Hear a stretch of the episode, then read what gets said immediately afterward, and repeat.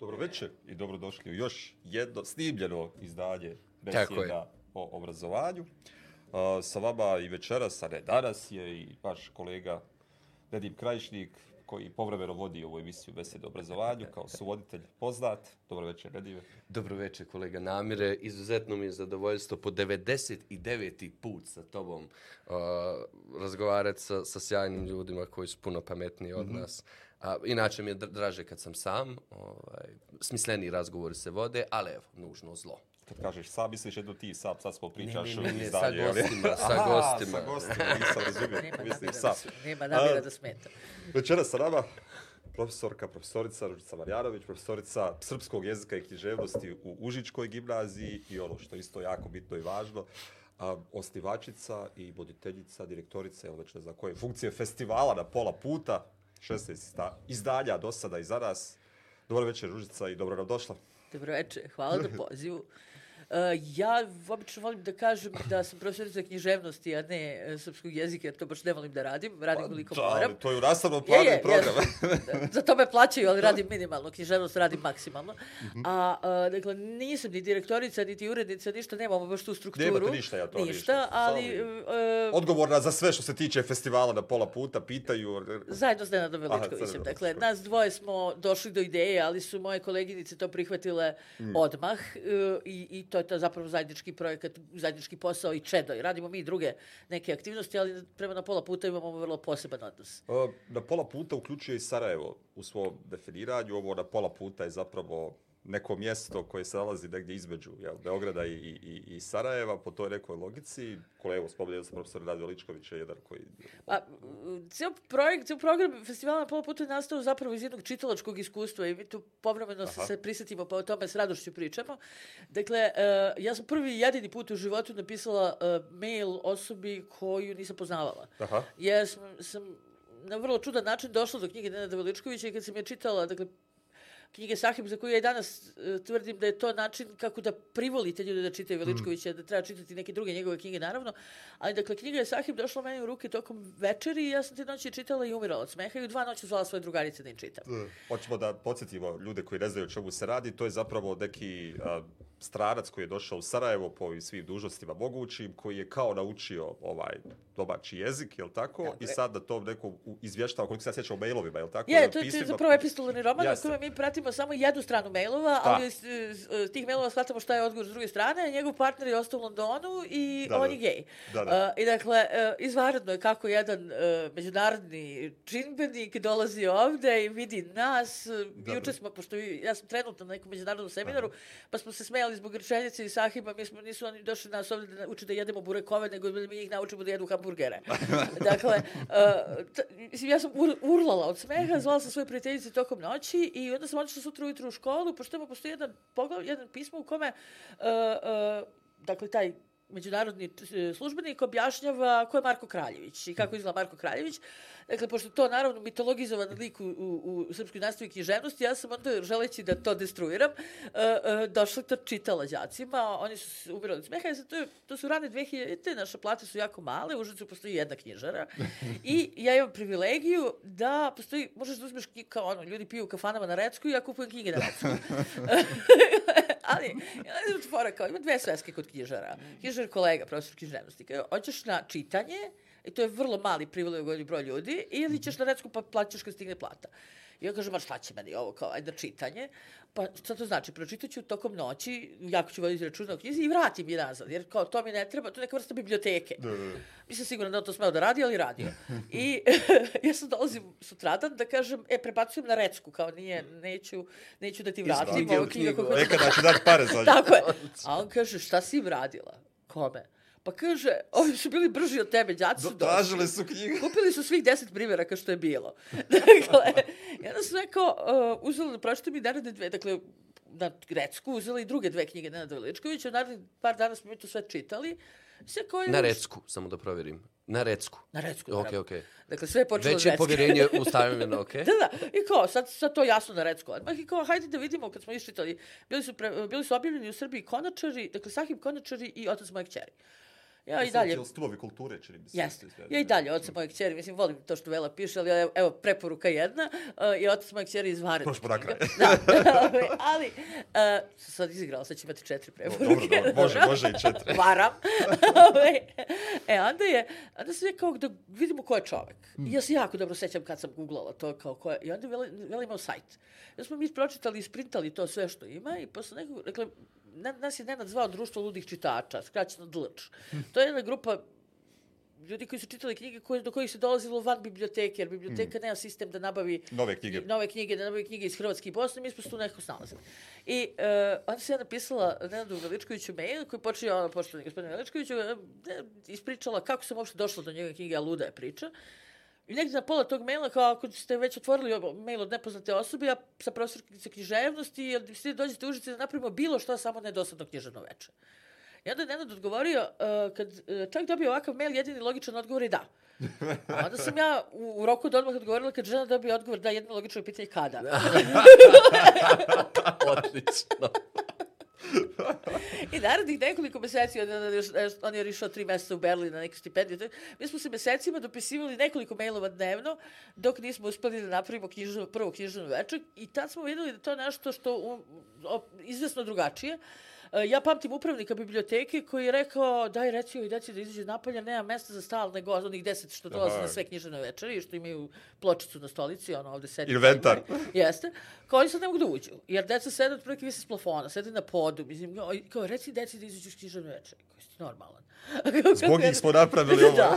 I to je bilo zaista onako jedna on, nevjerovatna radost čitanja i radost susreta. I uh, kasnije se ja dolazeći u, u, u Sarajevo, Ja smijem da kažem, kad sam prvi put došla posle rata u Sarajevo, imala sam odštapan itinerar, itinerar na 12 strana ku- kuda treba da vozim. O, jer pre toga, kad sam, dakle, poslije moj dolazak u Sarajevo, sam bila klinka i neko me je drugi dovozio. Mm. A moj otac koji tada imao 70 i neku godinu, dakle pričamo o 2004. Mm -hmm. moj otac je uh, u 70 i, i plus rekao, e, idem i ja s tobom u Sarajevo. Ja sam bila ubeđena da je to neki sentiment, ajde kao nisam bio, bio rat, hajde da bih tek kad smo se vraćali, shvatila da je njega bio strah. Da se on plašio A, da ja da, da, dođem da. sama u Sarajevo i bilo je beskreno Da smešno. je podrška. Da, da, ali su 70, starac u 70 nešto godina će bude podrška, ali njegovo insistiranje da se parkiramo tamo gde ima uh, čuvar parkinga i razne neke takve ak akcije su bile i to bilo baš Uvek smešno. ste dobrodošli. Naravno da smo dobrodošli, uvek je bilo. Uh, ono što, malo pre sam pričala sa prijateljima, ono što je posebna dobit festivala, uh, da sada Užičani masovno dolaze ovde, dakle, na jednodnevne izlete, čak i u shopping, što je, recimo, Bože kad smo me počeli. sačuvaj. Šta ste uradili ovo? Pa, pa, pazi ovako. To nije ve- lijepo. Zato se nismo borili. Znate ovako, Bože. 20 km ste bliži nego Beograd. Kad se s naše strane ulazi u Sarajevo, dođete pravo pa u centar. Imate sve što imate u Beogradu na manjem rastojanju. Dakle, vrlo je logično. A i nekako tradicionalno smo naginjali na ovu stranu. to je. Je, i ovdje, Izdajništvo s obje strane. Nego šta? I ovdje su užički poljoprivredni proizvodi, koliko ja znam, prije, prije rata ono bili uglavnom ono, na, na pijacama. Mene su prozvali švercerkom, ja kad dolazim donosim tone kajma kao vama, to je već poznato. Ali, mislim, zaista je, zaista je nekako grad se otvorio na neku stranu. Kad... Je. A zanimljiva je bila priča, dakle, ja sam Nenadu Veličkoviću tada ispričala da e, sam puštala deci film o, o Aleksi Šantiću, kad smo završili kao, e, i gledali smo moj brat Aleksa, što je posljednja jugoslovenska koprodukcija. Jeste. I taj se film završao tako što Beček prelazi preko mosta i kaže, tad još živog, starog, ove, i prelazi i kaže, eto, ceo Mostar sahranio mog brata Aleksu, ne zna se da li će Aleksa u raj ili u dženet. Ja pitam đaki da kao to prokomentarišemo, oni ne razumeju. Ja Da, kažem, da, kad da, da. Rahmetli babo preseli, on ide u dženet ili u džehennem, oni kažu koji je to jezik. Aha. I sad vi za 15 godina, 20, e, mi živimo na 60 km od Višegrada. Za 15-20 godina jezici su polako počeli da se razdvajaju jer su nam namerno napravili granice. Sad ne znam da li znate, u svim zemljama u svetu kad šaljete knjigu poštom imate ono tiskovina pa je, pa je jeftinije. U zemlji Srbiji je skuplje kad šaljete knjigu za Bosnu nego kad šaljete za Ameriku. Ima smisla. Mislim, Normalno, ja bi to isto uveo u Bosnu. Knjige su višak. A, ali ima naš švercera, radimo preko granice, samo tako. Ja mislim, ako i zbog čeg padnem u životu, to će biti zbog profesora Veličkovića i njegovih molbi. ako si slučajno u Beogradu, molim te. Jedno paket. Tri tačke. Tri Mene tačke. će, mene, mene će ove što idu u Zagreb bum, zadaviti.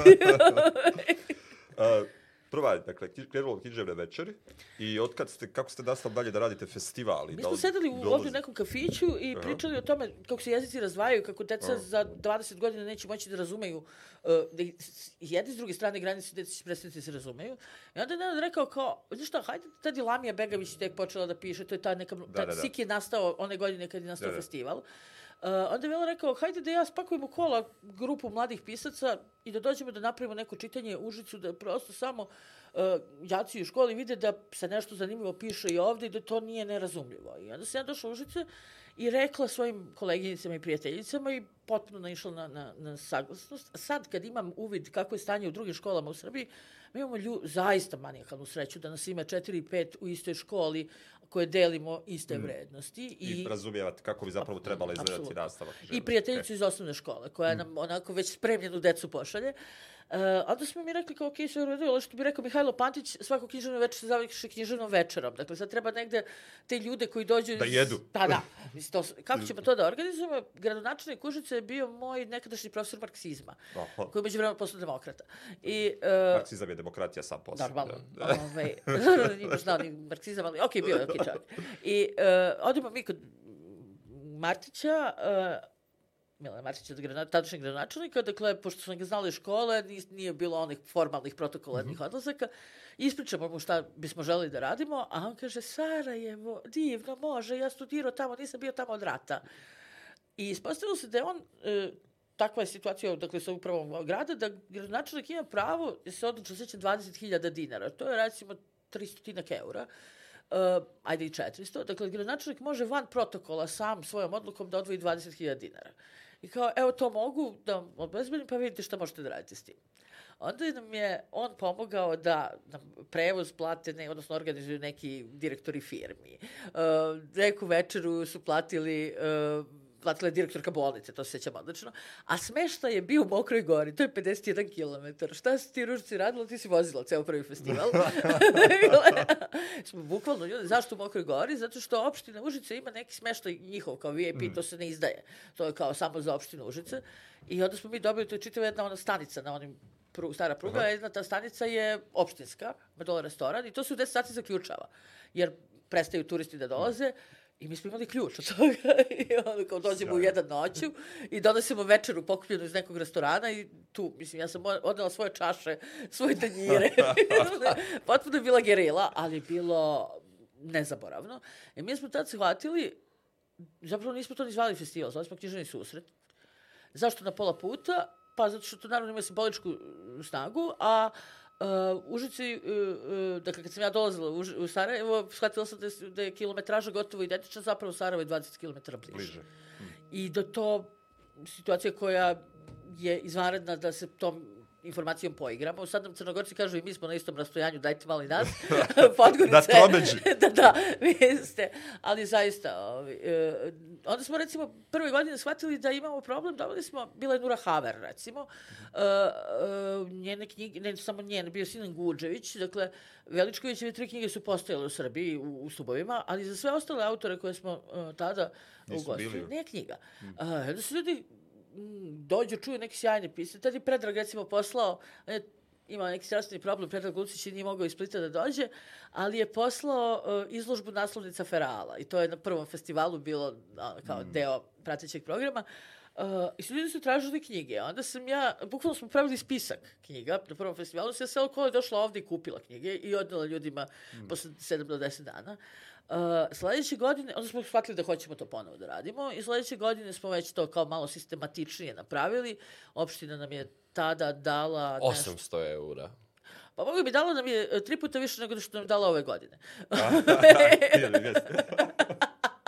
Da, to su naravno mala sredstva, ali mi nađemo neke druge e, načine da, da se snađemo i festival je stvarno ozbiljno rastao i recimo e, sledeće godine smo e, napravili s- festivalsku knjižaru, tako što ono, dođemo, pokupimo knjige ovde ili u Beogradu od nekih drugara knjižara, ponesemo i deca drže knjižaru, e, prod, pošto uvijek veliki izdavači kažu imate rabat, ali mi naravno kao možete zaraditi, mi nećemo da zarađujemo, mi poštovanje knjižarima, ali mi nisu knjižari, i onda se na festivalu mogu kupiti knjige koje su Jeftinije. jeftinije znatno i stvarno se ozbiljno ono, da se vole da drže knjižaru, to je isto zanimljivo, ali smo te godine, dakle 2007. godine prvi put imali goste uh, decu iz Sarajeva. Mhm. Uh, tada smo uspostavili kontakt sa drugom Sarajevskom, u gimnaziji bile su dve profesorice i deset učenika i bilo je sjajno.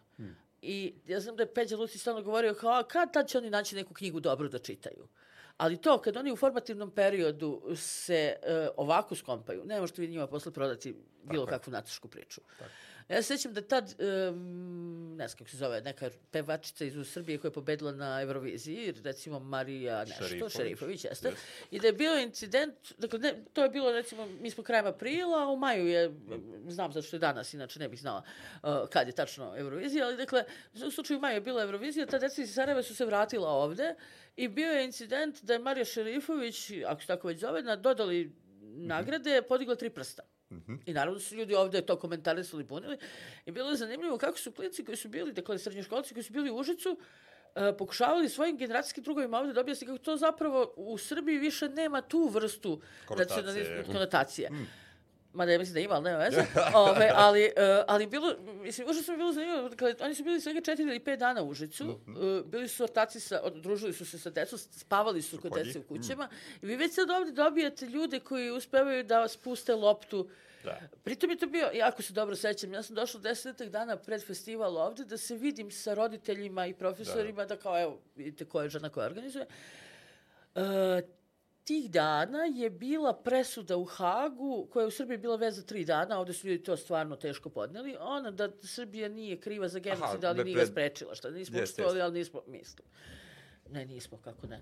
Ove, I e, onda su se ljudi ovde strašno loše osjećali. Neki roditelji su rekli da njihova deca koji su prethodno dali saglasnost da deca Da, idu u, e, u Srbiju, oni su rekli da ne može.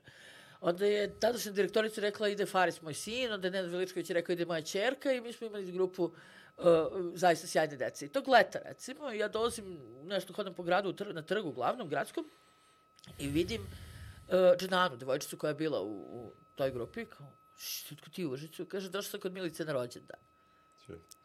Prešla granicu. Fenomenalno. Genijalno. Kako si ti prešla granicu na još 18 godina? Pa kaže, doveo me tata do granice, a s druge strane me sačekao tat, Miličin tata i samo me preuzeo. To. Kao, to smo hteli. Dakle, Djeluje Gas festival. to je to, završeno. a, mora iz početka, svaki četiri godine, evo novih. Pa iz početka. I onda je to, umjesto samo književnih večeri, druženja i tako dalje, preraslo u časove koje pisci Ja, odmah drži. smo počeli s časovima. Dakle, prve godine smo počeli s časovima i e, ideja je bila da e, pisci uđu u učionicu, toga se držimo, da pisci uđu u učionicu e, i drže predavanje, drže čas, ali ne o svom delu, nego Aha, o da, da. nečemu što njih interesuje. Čime se, recimo, Sinan Gurđević je o epigramima govorio. E, pa smo, ne znam, Viktor Ivančić, Predrag Lucić je održao predavanje o Antigoni koje je sad stvarno antologijsko. Ili Viktor Ivačić Hararet. Viktor Ohani Arendt, tako je. Bilo je tu- Možemo reći gledateljicama, gledateljima da oni postoje sva iz- izdanja, predavanja su ukoričena i dostupna, jel tako? Pa, napravljen je za 15 godina festivala, smo napravili izbor od e, 15 predavanja, od kojih je- su tri Predragova. dakle, on je jedini bio ono, kao privilegovan za tri. I tad smo, Dejan i ja, kad smo uređivali taj zbornik, koji se zove časovi čitanja, imali ideju da u budućnosti probamo da skupimo sva Predragova predavanja, ono su zaista bila Predraga Lucića, da budem jasna, ove, e, koji su bila izvanredna zaista. Međutim, naprosto su istorije, Ne, život nije dao to da se Da, da, uradi, da, da, da. ali njegovo predavanje o Cervantesu je bilo izvanredno. Njegovo predavanje o Brehtu je bilo izvanredno. Je, Brecht Nenadovo pre- predavanje o Brecht ima, žiti. Brecht sam čitao. nisam. Je, Brecht je objavljen. Uh, uh, Nenadovo predavanje o žiti. Jo, to je sjajno, to je sjajno. To, ali mislim, meni su na tim predavanjima najbolji oni, uh, kako bih rekla, štreberima možete prodati sve. Oni sede u prvoj klupi, hvataju beleške i sve prihvataju. Ali oni u zadnjim klupama, što, o, što im je škola dosadna. E, kad njih probudite, onda je genijalno, jer je, recimo, kad su Bora i Predrag prve puta kad su dolazili, to je bilo njihovo drugo, drugi kabare koji su Da, da, pravili. pjevali, Da, da, to je prvi put su praktično počeli da prave kabare. I to je bilo tako da smo na kraju pitali, Bora, pre, Bora rekao da imate vi kuću, ajte kući. Ove, I sad se to završilo i dečak je prišao, uh, Predragu je rekao, ja moram nešto da vam kažem. Uh, ja sam mislio da je poezija za devojčice, sad vidim da nije.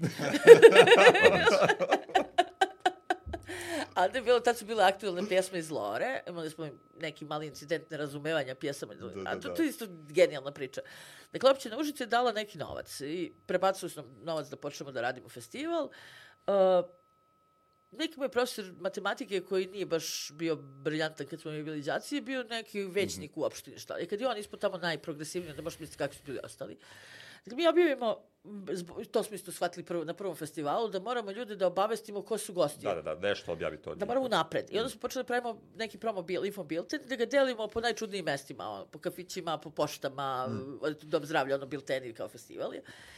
I tad, tad smo napravili? Prvi htjeli smo da bude tako, underground, na nekom recikliranom papiru, jedva smo jadni našli ko će da nam odštampa na tom recikliranom papiru, a onda su ovi opštini, ta žena koja je vodila kulturu u opštini bila zgranuta i rekla šta je ovo? Mi vam dali ovakve pare, a vi napravili ovo nešto bez veze i bedno. I ja, ja sam prvi put tad srela ženu koja ne razlikuje tekst od ilustracije, to je nevjerojatno.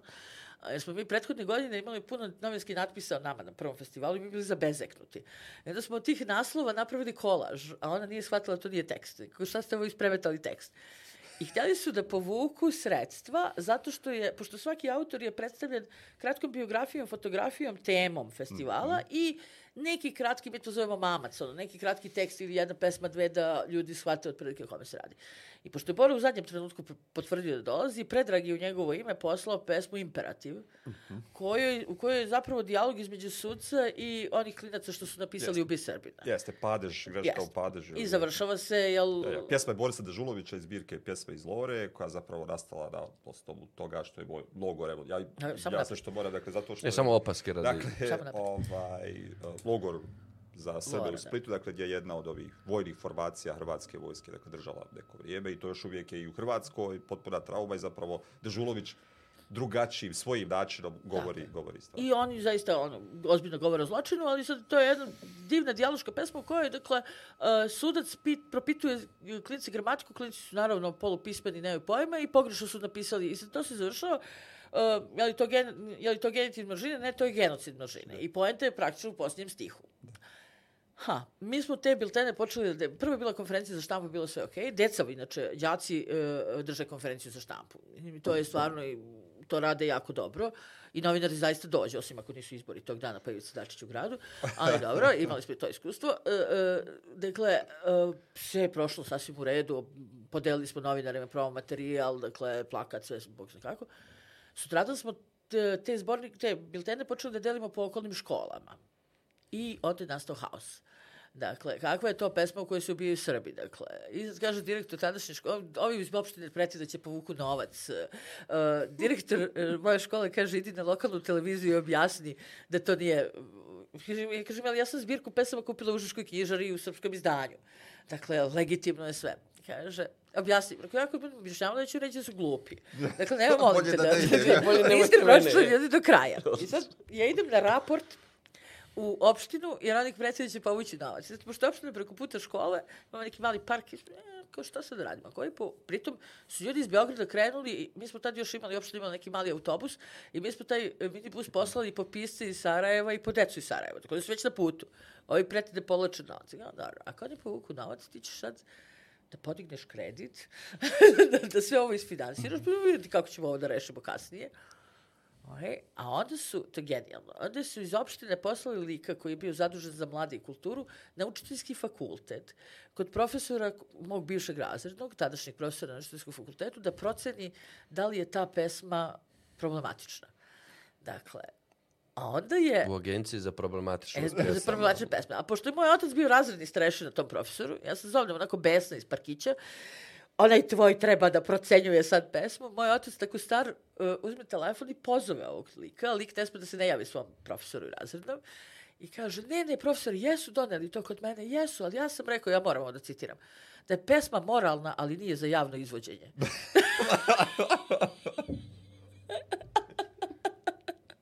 Tako da svašta smo naučili za o, o, ovih nekoliko godina, odnosno desetinu godina.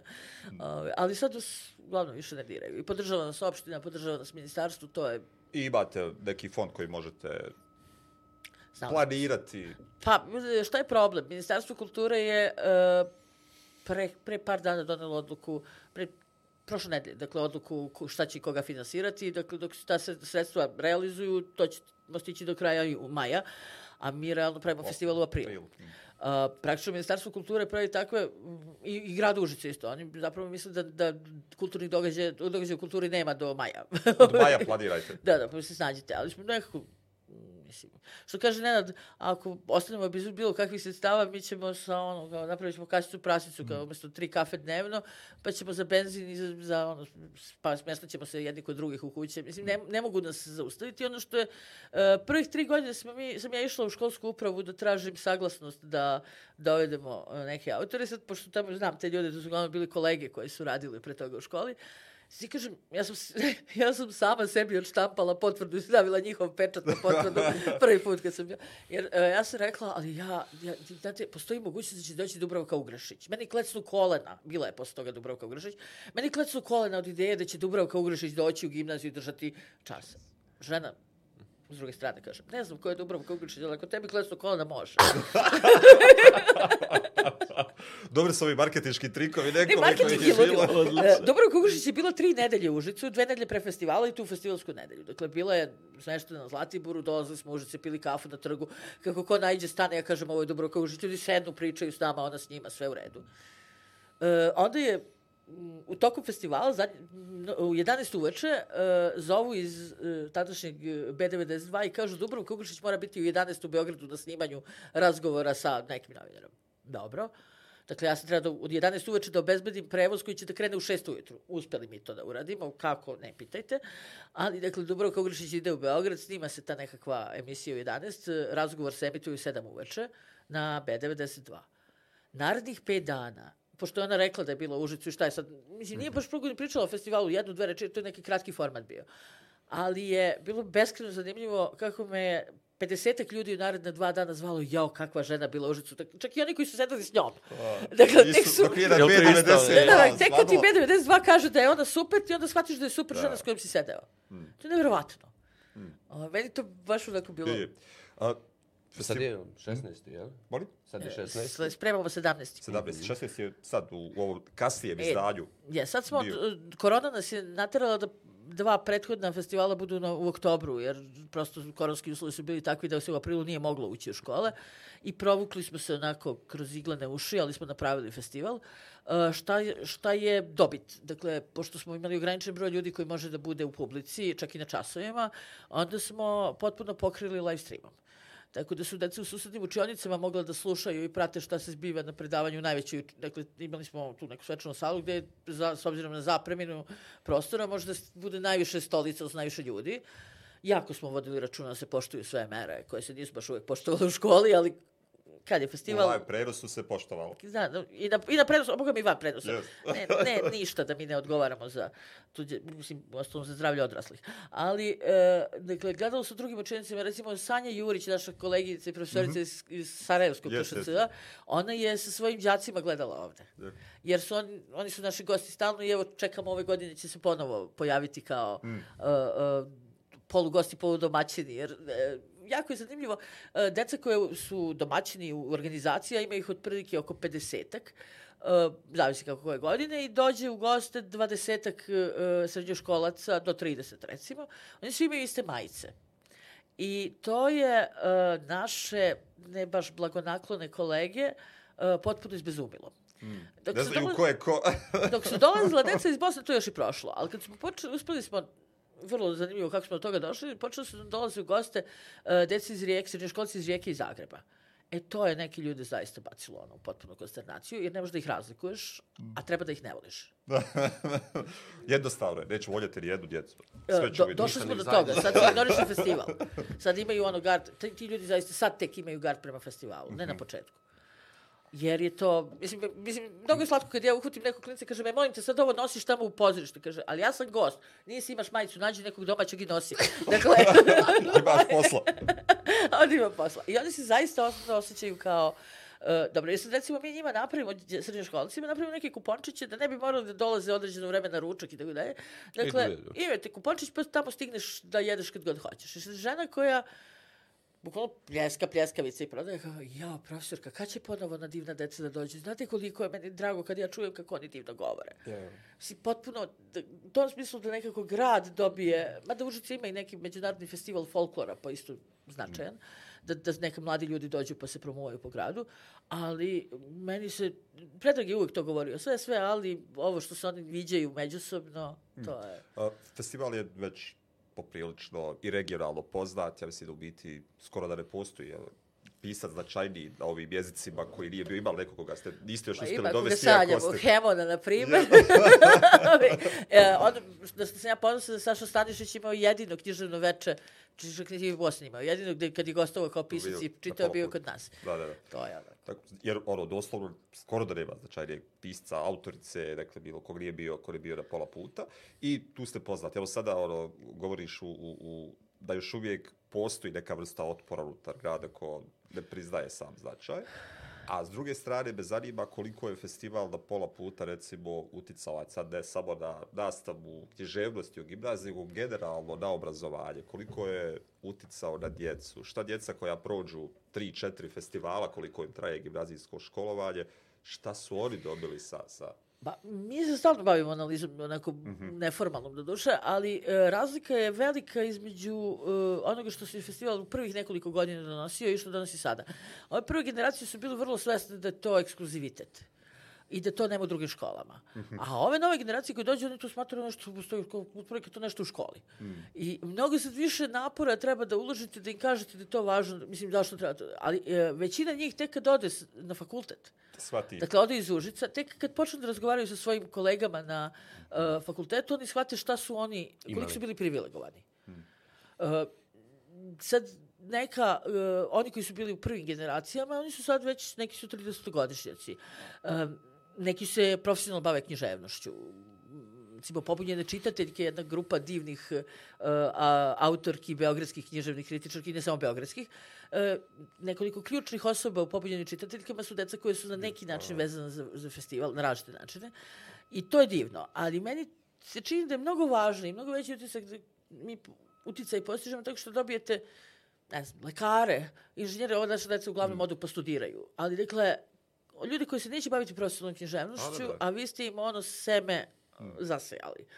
Uh, to, to je dragoceno, onako baš. To je jedno. Drugo, uh, šta sam počela da primećujem, jako lepu saradnju, sad profesionalnu saradnju tih mladih ljudi sa ljudima iz Sarajeva. Dakle, ne samo u zoni književnosti, Da, da, tu se oni... svim tu poljima. Potpuno, oni sad imaju neke kontakte od davnih dana, sad oni upoznaju Sarajevsku raju kad dođu ovde s drugih strana i to su neki um, mehanizmi, neke, neke, neke veze koje nem, nema šanse. Sad to je, pomerili smo tri zrna pirinča, mislim. sasvim dovoljno za, za ovo u okolnostima u kojima se radi, kako se radi, šta se radi, sasvim dovoljno da se pomakne. E, ali ono što valjda u školi uvek nauči, mislim, bez obzira na festival i ne, naučite da, da nijedan no, postignuće, ni što god ste uradili, je vrlo privremeno. Dođete za četiri godine, dođu neka nova deca koji nešto o tome ne znaju. I onda morate iz početka. Mi recimo imamo malo preispitujemo stalno ovo što radimo. Uh, nama ideja da se autori ne ponavljaju, dakle da ne bude ona jedna grupa ljudi koja stalno dolazi. Uh, pa su nam se neki čak, mislim, pomalo ne baš uvredili, nego su očekivali kao... Da će zaista biti, ako su dostupni te godine. Čak je bilo zanimljivo što su neki bivši đaci koji su uh, sada novinari ili književni kritičari, mi smo hteli da pravimo podmladak da oni krenu to malo više da vode.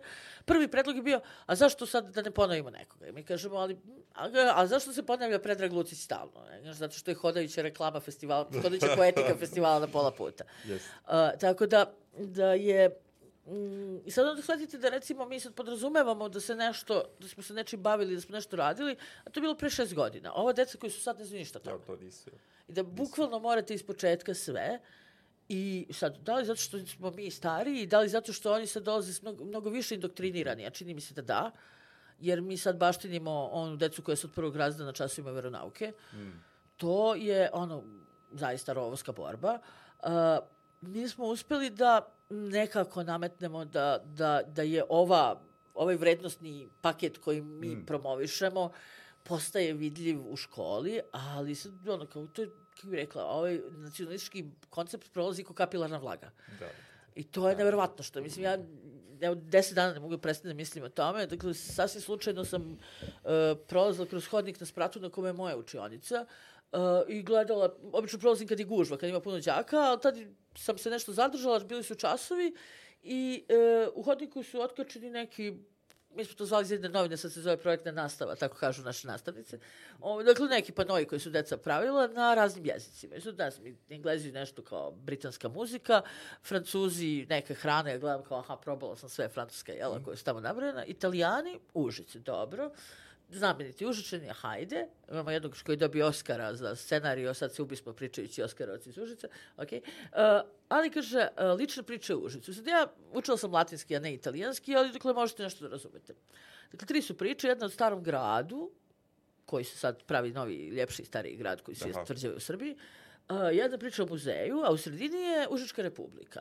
Dobro, dakle, Republika di Užice, ja onako krajičkom oka, uh, nešto mi ne, se ne uklapa. Dakle, fotografija koju ja tu vidim nije nešto što je... Dakle, priđe bliže i prvo to je pisano pisaćem mašinom. Uh, pa je o, zalepljen papir. Dakle, dečak je ispostavljić se insistirao da bude pisaćem mašinom šta kucano. Uh, dakle, visi fotografija uh, notornog četničkog koljača. Dakle, kao možda ja ne bih znala ništa, ne postoji pesma Ljubomira Simovića o tome. Dakle, taj lik je ubijen iz osvete tokom rata. Dakle, on nije ubijen u sukobima s partizanima, nisu ga ubili partizani posle rata. Nisu ga, ga je ubio žrtvin brat. Mm -hmm. I to ga je ubio u, u gradu koji su u tom trenutku držali te vojne formacije. Ubijen je u svom štabu. Mm. I on visi na, na, na panovu Užička republika. Uh, Užička republika i visi na italijanskom. Uh, tetka našeg direktora je bila narodna heroina ja siđem dole do biblioteke i pitam, ona ilazi i kažem, ti znaš ko je? Ne bih da izgovorim, neću širim priču o njemu. Ti znaš ko je čovjek? Ja kažem, ja znam zbog pesme Ljube Simovića, i zato što Ljube Simović je iz Užica i bio je dečak za vreme mm. rata i on je tu priču izvesno mogao, ako ne videti, onda bar direktno čuti od sugrađana. I pritom i u romanu Užice sa vranama pominje isto, mm. u užasno negativnom kontekstu. Kaže, pa to ne može da visi gore. Kažem, ja naravno ne može da vidi kako će se reći. E sad šta radi direktor? Ajde ti to objasni koleginici. Ja, naravno, naivna budala pristanem. Ja napišem mail. U trenutku kad sam poslala mail, jako sam bila snishodljiva, ne, ne bih ni ja to znala, možda ti to nisi znala, ja ne bih da nije bilo Ljube Simović. U trenutku kad sam pritisnula send, ja sam shvatila da sam budala. Da je ovo posao koji treba da uredi direktor. Odgovori, pritom, uh, od kako su uveli elektronski dnevnik, ja više ne znam ko radi u onoj školi. Niko ne ulazi u zbornice. Ne. Evo, zbornice. Zbornica je katastrofa. Mislim, imali smo pre neki dan sednicu našeg veća prvi put posle dve godine, ovaj, gde su kao sedeli fizički svi profesori, ja nisam znala na 60% ljudi. Pro, prosto su neki ljudi odšli penziju, proširio se broj predmeta, proširilo se uh, broj, poveća se broj đaka i to je već strašna priča šta radi uh, ministarstvo. Najjeftiniji đak je đak koji uči gimnaziju. Svi koji uče stručne škole su državu koštaju više. I oni uh, sad povećavaju broj učenika u gimnaziji. Dakle, onaj grad, grad u kojem ja živim je sve manji, dakle sve manje stanovnika. stanovnika. Mm. I A sve ima... veći broj učenika u gimnaziji. Tako je. A, dakle, ako ima stanovnika, što, što, što nam je negativni primjer, što je već odavno, ali nije tako drastično zato što se useljavaju ljudi, uh, ali ko se useljava? Useljavaju se ljudi koji dolaze da, da se školuju, pošto ima viša medicinska škola, pa onda ostaju tu i rade kao sestre. Mi imamo manji broj đaka, generalno mm. u školu. A onda vi povećate broj ljudi u gimnaziji. Onda se automatski spušta kriterijum kvaliteta onih koji ulaze u gimnaziju. Nema, mislim, kako mi da napunimo devet odeljenja? Mi smo realno, gimnazija možda ima šest u, odeljenja učenika koji će se dalje školovati. Mislim, ja, ja prvi put imam đake koji su, nisu dislektični, ali nemaju da čitaju. Mislim, onda shvatite da ste malo razmaženi, 25 godina radite u gimnaziji i to je jedan drugi kvalitet rada, ja nikad nisam radila u nekoj drugoj školi mm -hmm. i vrlo sam razmažena. E, ali se, nije to više pitanje razmašenosti ili ne, nego je pitanje da neko djete koje je završilo osnovnu školu i upisalo gimnaziju, očekuje se da Postoji jedan zanimljiv fenomen koji sam otkrila vrlo slučajno, uh, dakle, dok smo bili na online nastavi, koja je uh, katastrofalna, naravno. Ovaj, e, dečak iz četvrtog razreda se nije javljao dva meseca uopšte, nikako. Se je rekla, razni strešan, očigledno nešto mulja, neće da kaže šta se dešava, napiše neki blentavi mail, uh, nešto porodica rešila da će on da bude do 17. maja na online nastavi, a nastava se završila 21. maja. Četvrtac. Četiri dana će biti tu, dobro. Tako je. Pitam ja direktora, šta je, vidim ja direktor, nešto mulja neće da kaže o čemu se radi. I kaže, deci, izvinite, je on živ? dakle, mislim, ja što piše mailove, šaljem preko Google učenja, ništa. Kaže ti mu da se javi, ako se ne vidi, neće završiti školsku. Javi se dečak i kaže, znači šta je profesorka, mali problem, mi smo u različitim vremenskim zonama. gde si ti, sine? Na Floridi. Dobro. Sedam dana pre nego što se vrati iz Floride, on pita, a šta ja treba da pročitam da bih četiri razne? Ja kažem, malo si zakasnio. Na kraju smo došli do toga da treba pročita prokletu avliju od 80 strana i da pogleda seriju. Od serije koja treba pogledati, pogledao prvu epizodu, a prokletu avliju nije pročitao, što sam sasvim slučajno otkrila, tako što sam ga pitala za završnu scenu proklete avlije, on je ispričao nešto potpuno blesavo, Kad se to pitalo još tri, četiri đaka i oni su pričali isto neku glupost, ne znam. Aha, da su negdje pročitali to. Ne? Naravno. Onda mi je Sanja Jurić rekla tabanović.com, to se s tog sajta skida. dakle, isti problem ima i ona. Okay? Ajde nekako mi napravili smo tu dvojku i kaže on, Ajde, profesor, ja ne bih htio da se s vama raziđem u lošim odnosima, mi smo divno sarađivali, ali sad ona priča neku ličnu priču zašto mu se sve to dešava. I kažem, dobro, a šta ćeš ti sad sa ovakvim uspehom? On kaže da upiše medicinu. Da, da. Kako ćeš ti, sine, sa ovakvim uspehom upiše medicinu? Kaže, ne znaš šta, ja sam od osmog razreda osnovne škole znao da ću upisati medicinu, opet govoreći o porodičnim razlozima.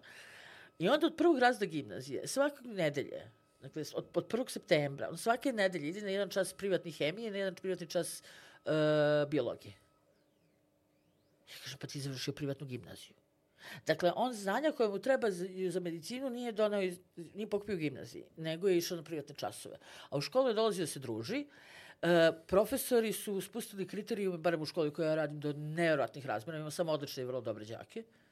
Dakle, gimnaziju nije završio samo onaj ko nije prošao pored nje, ne, ne ušao, više ne mora ni da se uđe. Mora je pored Samo da prođe pored gimnazije i bit će u najmanju ruku vrlo dobar, a u, na, na, znači 32 učenika od 28 odličnih. To kao šta smo mi, gajimo generaciju wunderkinda. To je dobra škola. Da, da, naravno. E sad šta je, u čemu je što? Oni dobijaju uh, diplomu školsku i neki broj bodova na tom mm. visokom uspehu. One znanja koje im trebaju za prijemni, njih kupuju privat, na privatnim časovima. Roditelji to plaćaju s osjećajem da su dobri roditelji. Uh, škola dobija početkom septembra ili oktobra od ovih velikih velikih i značajnih ono, te, fakulteta na kojima je navala, uh, pohvale, zahvale, jer su naši đaci vrlo uspešni na prijemnim i škola sad to stavlja sebi kao amblem, vidi kako smo mi dobra škola, naši đaci polažu prijemni uspešno. To što oni ta znanja koje im polažu prijemni ne stiču u školi, to nikog ne interesuje. I sad deca dolaze u školu da se malo zabave. I to je jedan nevjerojatan koruptivni niz, u kojem niko neće da ga zaustavi. U kojem je svima dobro. dobro. Kad kažete nastavnici spustili kriterije, ne vidim tu sad onog mističnog neprijatelja u sistemu. Ja vidim. Uh, zato što uh, rečenica, uh, dakle, pa napravili su neke prezentacije. Pa šta je u tim prezentacijama? Mene su za, na zadnji odbrani maturskih radova poslali kući. Kolege su me poslali kući da ne bih ono, napravila incident. Zato što uh, maturski u Srbiji, bar do sad, za dve godine će se menjati, valjda, ali maturski je besmislen. Uh, vi morate da dobijete, imate pismeni iz uh, matematike ili stranog jezika u zavisnosti od smera i pismeni iz srpskog su obavezni i pišete domaći rad. Uh, ocena ne utiče ni na šta. Dakle, ne ulazimo u prosek. Samo oni koji su takozvani Vukovci, ja iskreno mislim da je to ceo koncept Vukove diplome je pogrešan. Ja pisalo se o tome. Da, kao ti si najbolji iz svega. Ne može biti, mislim, šta kažeš deci? Ja sam dvostruki Vukovac i znam ja tako jako dobro, nisam bila najbolja iz svega. Dakle, ajmo. Onda, uh, onda samo Vukovci moraju da to sve urade kako valja i mi onda ima kao damo petice. Mm, sad odbrana radu. To je, dakle, forma, zašto mi to radimo?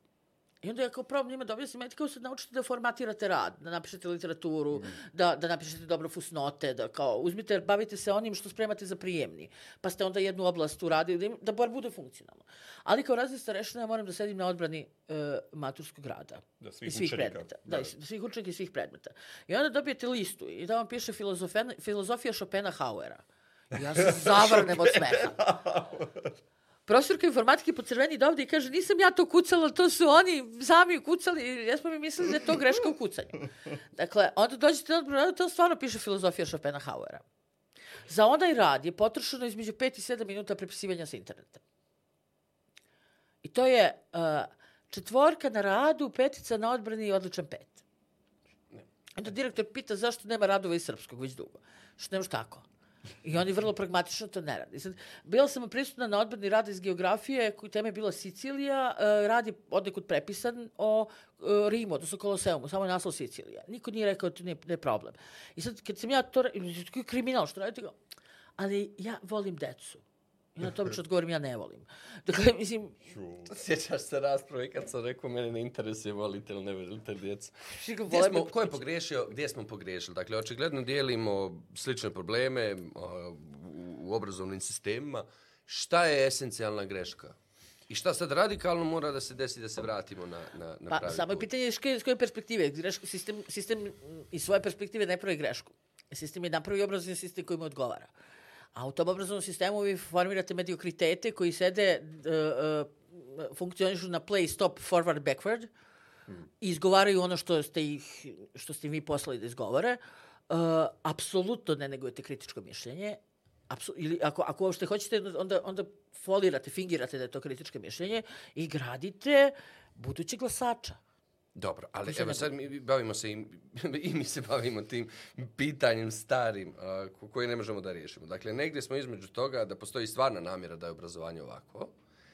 A ako je to stvarna namjera, onda je to vrlo kratkoročno. Dakle, on će se urušiti sam, sam od sebe. Drugo je da nisu ni svjesni o, ovakvog sistema i da misle da radi najbolje. Gdje smo? A, oni što sede u ministarstvu, mislim da rade najbolje, mada kad pročitate dopise iz ministarstva, ja obično prvo uzmem crvenu hemijsku da ispravim, a onda, mislim, genijalno je, dobili smo uh, nedavno dopis prošle godine od ministarstva, ako đa, šta da radimo ako đak prekrši neku radnu dužnost, šta god. Mislim, kako kažnjavati učenike posle disciplinskog postupka. I predlozi za kažnjavanje. I da, to se zaista zove da, da, disciplinski ne, Da, da, se i to oni pišu izjave, šta ja znam, ja to izbegavam maksimalno. Mislim da nisam nikad zapravo imala disciplinski postupak s đacima. Ali, dakle, uh, šta je ka, ka, zaista se zove kazna, šta je kazna? Dajte im da ras, raspreme u zatvor, djecu slati. da postoji neki kaže ovako. Uh, dobro, ima neki udžbenik, uh, napravio neki istoričar iz naše škole davno, knjigu o, ka- o obrazovnom sistemu u 19. veku i bila je jedna od kazni u 19. veku u školama u Srbiji, bila je kratko u gvožđe sapinjanje. I mi smo se ludo zabavljali s tim, s tom, tim izrazom, kratko u gvožđe sapinjanje. Ali, dakle, što su kazne koje preporučuje ministarstvo? Zamišljam šta to Da znači. đak rasporedi stolice u, u sali, ako se, dajte mu kao fizički da radi, da rasporedi stolice ako se nešto dešava. To u pokušaj odgoja ovim logičkim posljedicama. Je. Dajte im da, da, da kad pođu kući ponesu pozivnice za nešto što se dešava u školi. Kao, to naše dece rade kao život škola, mislim, žive u školi, rade To nešto. je kazna, znači. Da, i treće kazne, dajte im da nešto pročitaju. Tako sam ja shvatila predajem kazneni predmet. Ovaj, ne, e, mislim, iz potpuno domena to kako ministarstvo doživljava i, i, kako ministarstvo nema poverenja u nastavnika. Sad, to je dvosakli mač, kakvih nas ima, možda i ne treba da ima. Ali, e, ja sam duboko uverena da se sistematično radi na urušavanju i ono što se čini u posljednjih značajnog broja godina. Ja tačno u Srbiji mogu da kažem koje su tačke kada ceo obrazovni sistem padne za neki nivo. Jedno je bilo bombardovanje. Dobro. Tačno se, ono, posle toga, ono, nikad se više nije vratilo na onaj sistem iz koga smo, jer to je prosto bile vanredne okolnosti. I, mislim, taj besmislenu maturu mi organizujemo u vreme uzbune. Kao, ona ničemu ne služi, ali oni neće da je ukinu, jer mora formalno da postoji. Uh, I onda kao šest puta do, dođu deca, onda se čuju uzbuna za, ono, avioni su negde u, u tom kraju, možda će bombardovanje, neće. Onda ti kažeš, idite deco, i kažeš, što mi sa njih šaljemo napolje? Ako bude bombardovanje, da poginu izvan škole. Kao, lakše je da nisu u školi. Mislim, sve je besmisleno. I nikad se obrazovni sistem više nije vratio na taj nivo.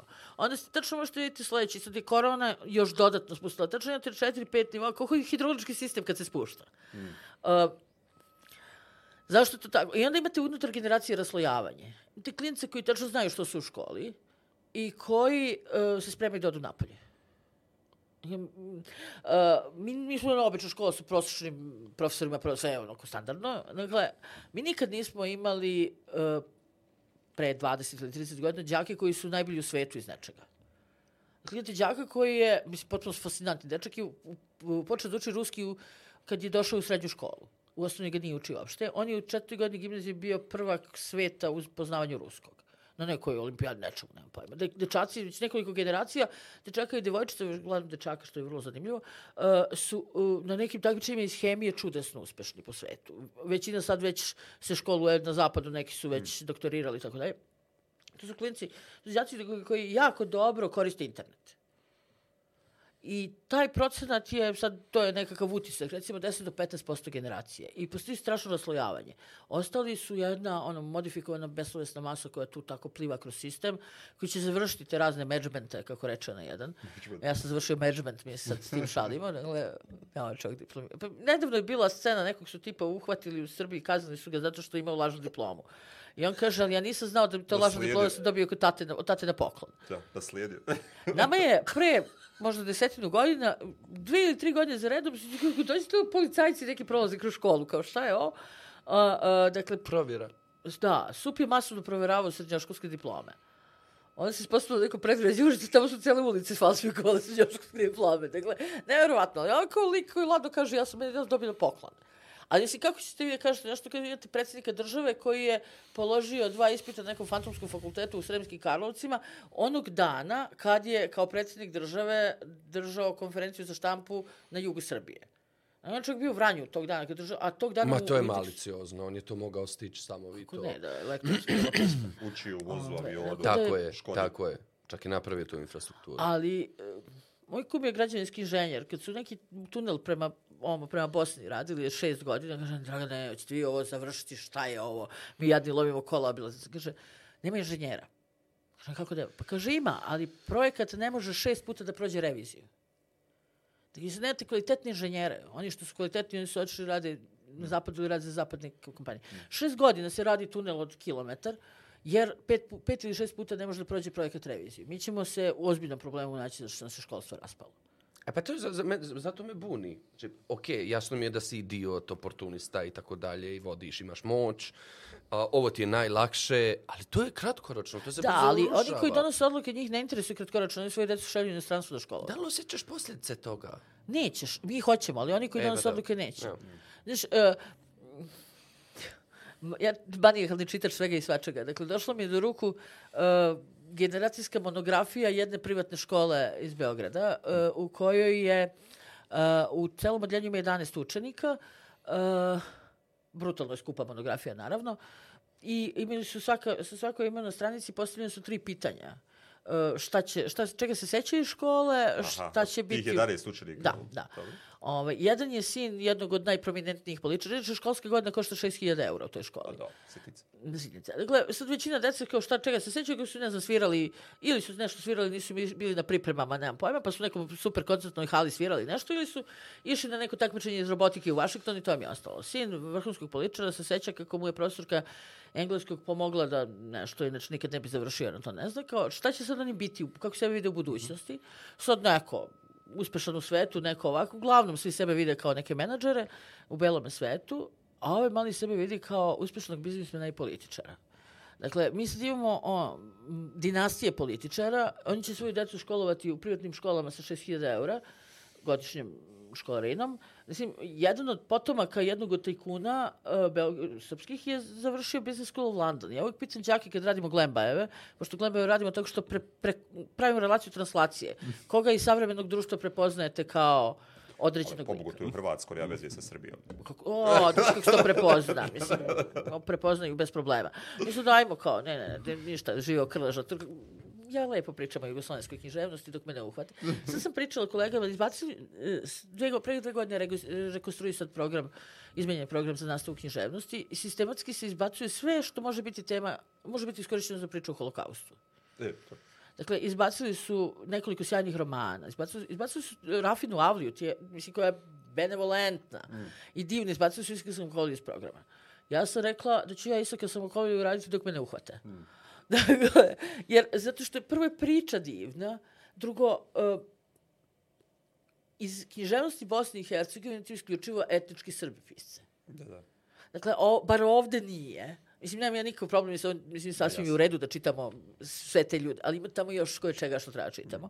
Ali nije sad, sad, se, sad se izbacuje iz, iz, uh, dakle, iz Ali korpusa... zašto to je kada se ono, vladajuća politika poziva na nasljeđe drugog svjetskog rata, antifašizam, dan pobjede, Kad si zadnji put bio u Srbiji? Kakav antifašizam?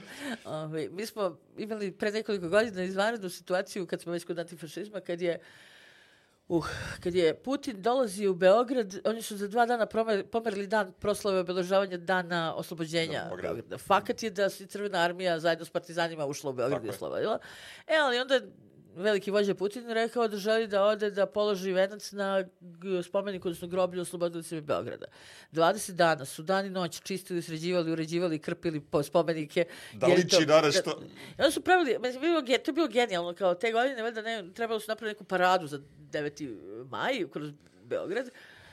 A kako ćemo sad to guramo? Pa da, svetski, ono, jel? Da, da, kako ćemo sad to guramo tu čega? Mi zvaničimo dva antifašistička pokreta. ova. Da, da, zato, a sad to šta je sad fašizam, to je sad druga pita, ali se... Što bi rekao Viktor Ivančić, ovde su svi antifašisti. A, ali to je bilo beskreno zanimljivo, neka parada kroz Beograd, pa sad neki igrokazi na nekim tačkama, neki glumci nešto glumataju oslobađanje Aha. Beograda. Svi su bez obeležja. Onda ponekad se negde onako ishodljivo provuče neki partizan. Krišom. Posle ovog incidenta sa, sa um, jel, um, četnikom koljačem u hodniku na italijanskom, uh, ja sam pitala, ja sam tog dana radila jamu. Ti si u učionici i baviš se jamom, a na dva metra ispred u hodniku stoji neko, Neko ko ko je- zločinac. Tako je. Ja nikad u životu nisam održala, mislim, potpuno sam drugačije držala čas, ja mi nikad nisam održala emotivni čas, mislim, potpuno je bilo strašno. Uh, I mislim da su me, da kad prepoznaju emociju, da bolje, bolje stvar funkcioniše nego kad uvijek. sad ja se bavimo časom po onim metodičkim jel, modelima. Uh, inače, pano je sklonjen srećem, ali profesorka je ljuta na mene. Uh, dobro. Ali, onda sam pitala Đaki šta je Užička republika. Dakle, ja sam profesorka u Užičkoj gimnaziji. Dakle, to je grad ko, koji baštini uh, Užičku republiku kao važan temelj svog identiteta. U dva odeljenja prvog razda je jedan đak znao, u dva odeljenja trećeg razda je jedan đak negde onako načuo. Ne mogu da povežu bitku nikad inače i, i, dakle, niko nije bio u muzeju. A doslovce niko. Nije bio u gradskom muzeju. Sa sve problematičnom novom izložbom o Užičkoj republici. Ali, dakle, e, pritom u, grad, u gradu Užicu se to mora znati. Sedam dana pre pada Užičke republike je došlo do velike eksplozije u trezoru Narodne banke sa pogibijom ogromnog broja Užičana. Ako imate ideološki problem kako ćete pričati o Užičkoj republici, onda je, onda je ovo tema na kojoj nema ideologije. Dakle, hajde da nam onda znak Užičke republike bude sećanje na stradanje građana. Nula bodova. Znači, Šta će ispast na kraju da su oslobodili Užičku republiku? Oni, uh, uh, dakle, naša, ja mislim da je najmaligniji deo obrazovanja nastava istorije. E sad, da li je to sistematično ili su to, ili to do, veliki individualni doprinos nastavnika istorije, to tu nisam baš najsigurnija. Da, sjajno. sjajno, sjajno. Jer taj individualni doprinos kao da, da, da, da bježimo od njega jer Ne, je to je- je nedohvatljiv, a suštinu čini. Kako da kažem, naša deca uče Nemanjiće i uče prvi svjetski rat. Šta je bilo između nema pojma, šta je bilo posle nema se pojma. I sad, ja predajem ovim koronskim generacijama i ja kažem, kad se sad budem vratili iz Sarajeva, idemo zajedno svi u muzej. I ova kaže, jupi, dve njih, jupi. Ja kažem, "Šta? idemo u muzej u Užicu, mislim, ne putujemo negde, da idemo u muzej koji vi možete da idete sad. Da, kaže, idemo zajedno. Dakle, to su deca koji su do te mere jadne razvajali ovih dve i po godine, nego idemo zajedno, oni su srećni. Dakle, ja ih vodim, ne, oni prolaze pored tog muzeja. Ali, ja, mislim, individualni doprinos nastavnika, to je, to je, to je važno, ali mač sa dve oštrice. Je, to je E, uvijek pitanje je. uvijek koji... Mislim, ozbiljno mač sa dve oštrice. Tako je. Mislim, mi Jel smo... se čini usluga ili kazna djeci? Dakle, šta djeci se daje u društvu u kojem se ne zna, utiče na to da promisle svoju situaciju, da osvijeste gdje se nalaze, da konfrontiraju se sa nekim sa kim žive, da govore suprotno narativima koji su... Naravno, mislim, pazite, nama se kabinet za istoriju i kabinet za književnost na istoj vertikali. Ja da imam 15 godina, ja bih bila potpuno izbezumljena. Da. Dakle, potpuno jedan narativ, jedan vrednostni sistem na jednom spratu i ti se sad s 15 godina popenjaš na sledeći i tamo sačka ono, na pola puta, festival, razumevanje, tra, ono, odnos prema, dakle, mm, odnos prema 90. To nam je ključno. Mm. I sad imate generaciju koju s roditeljima tome ne razgovaraju, nemaju pojma. Najveći deo naših đaka ne zna apsolutno ništa o 90. Uh, to su roditelji koji su, znači mi smo se odmakli 25 godina od toga, to su roditelji koji su bili ili deca ili na pragu adolescencije kad se to dešavalo. Dakle, sve je otišlo po tepih. E sad mi pokušavamo da, ono, kao književnim tekstovima uh, otvorimo tu temu da ljudi koji dođu budu ne... Strašno je teško vagati gde je granica da ne postaneš onaj dosadni da. daveš koji samo o tome priča a da budeš interesantan, a da i ne ignorišeš, da to je ozbiljno se ono oko toga mučimo.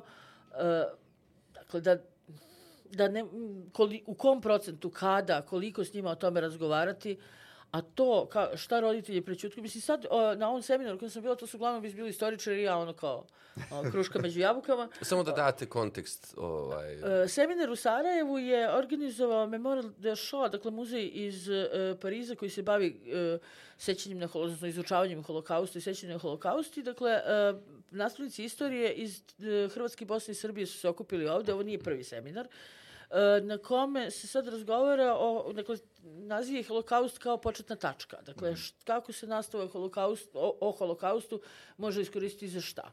I tu je, to je isto jako pipavo pitanje.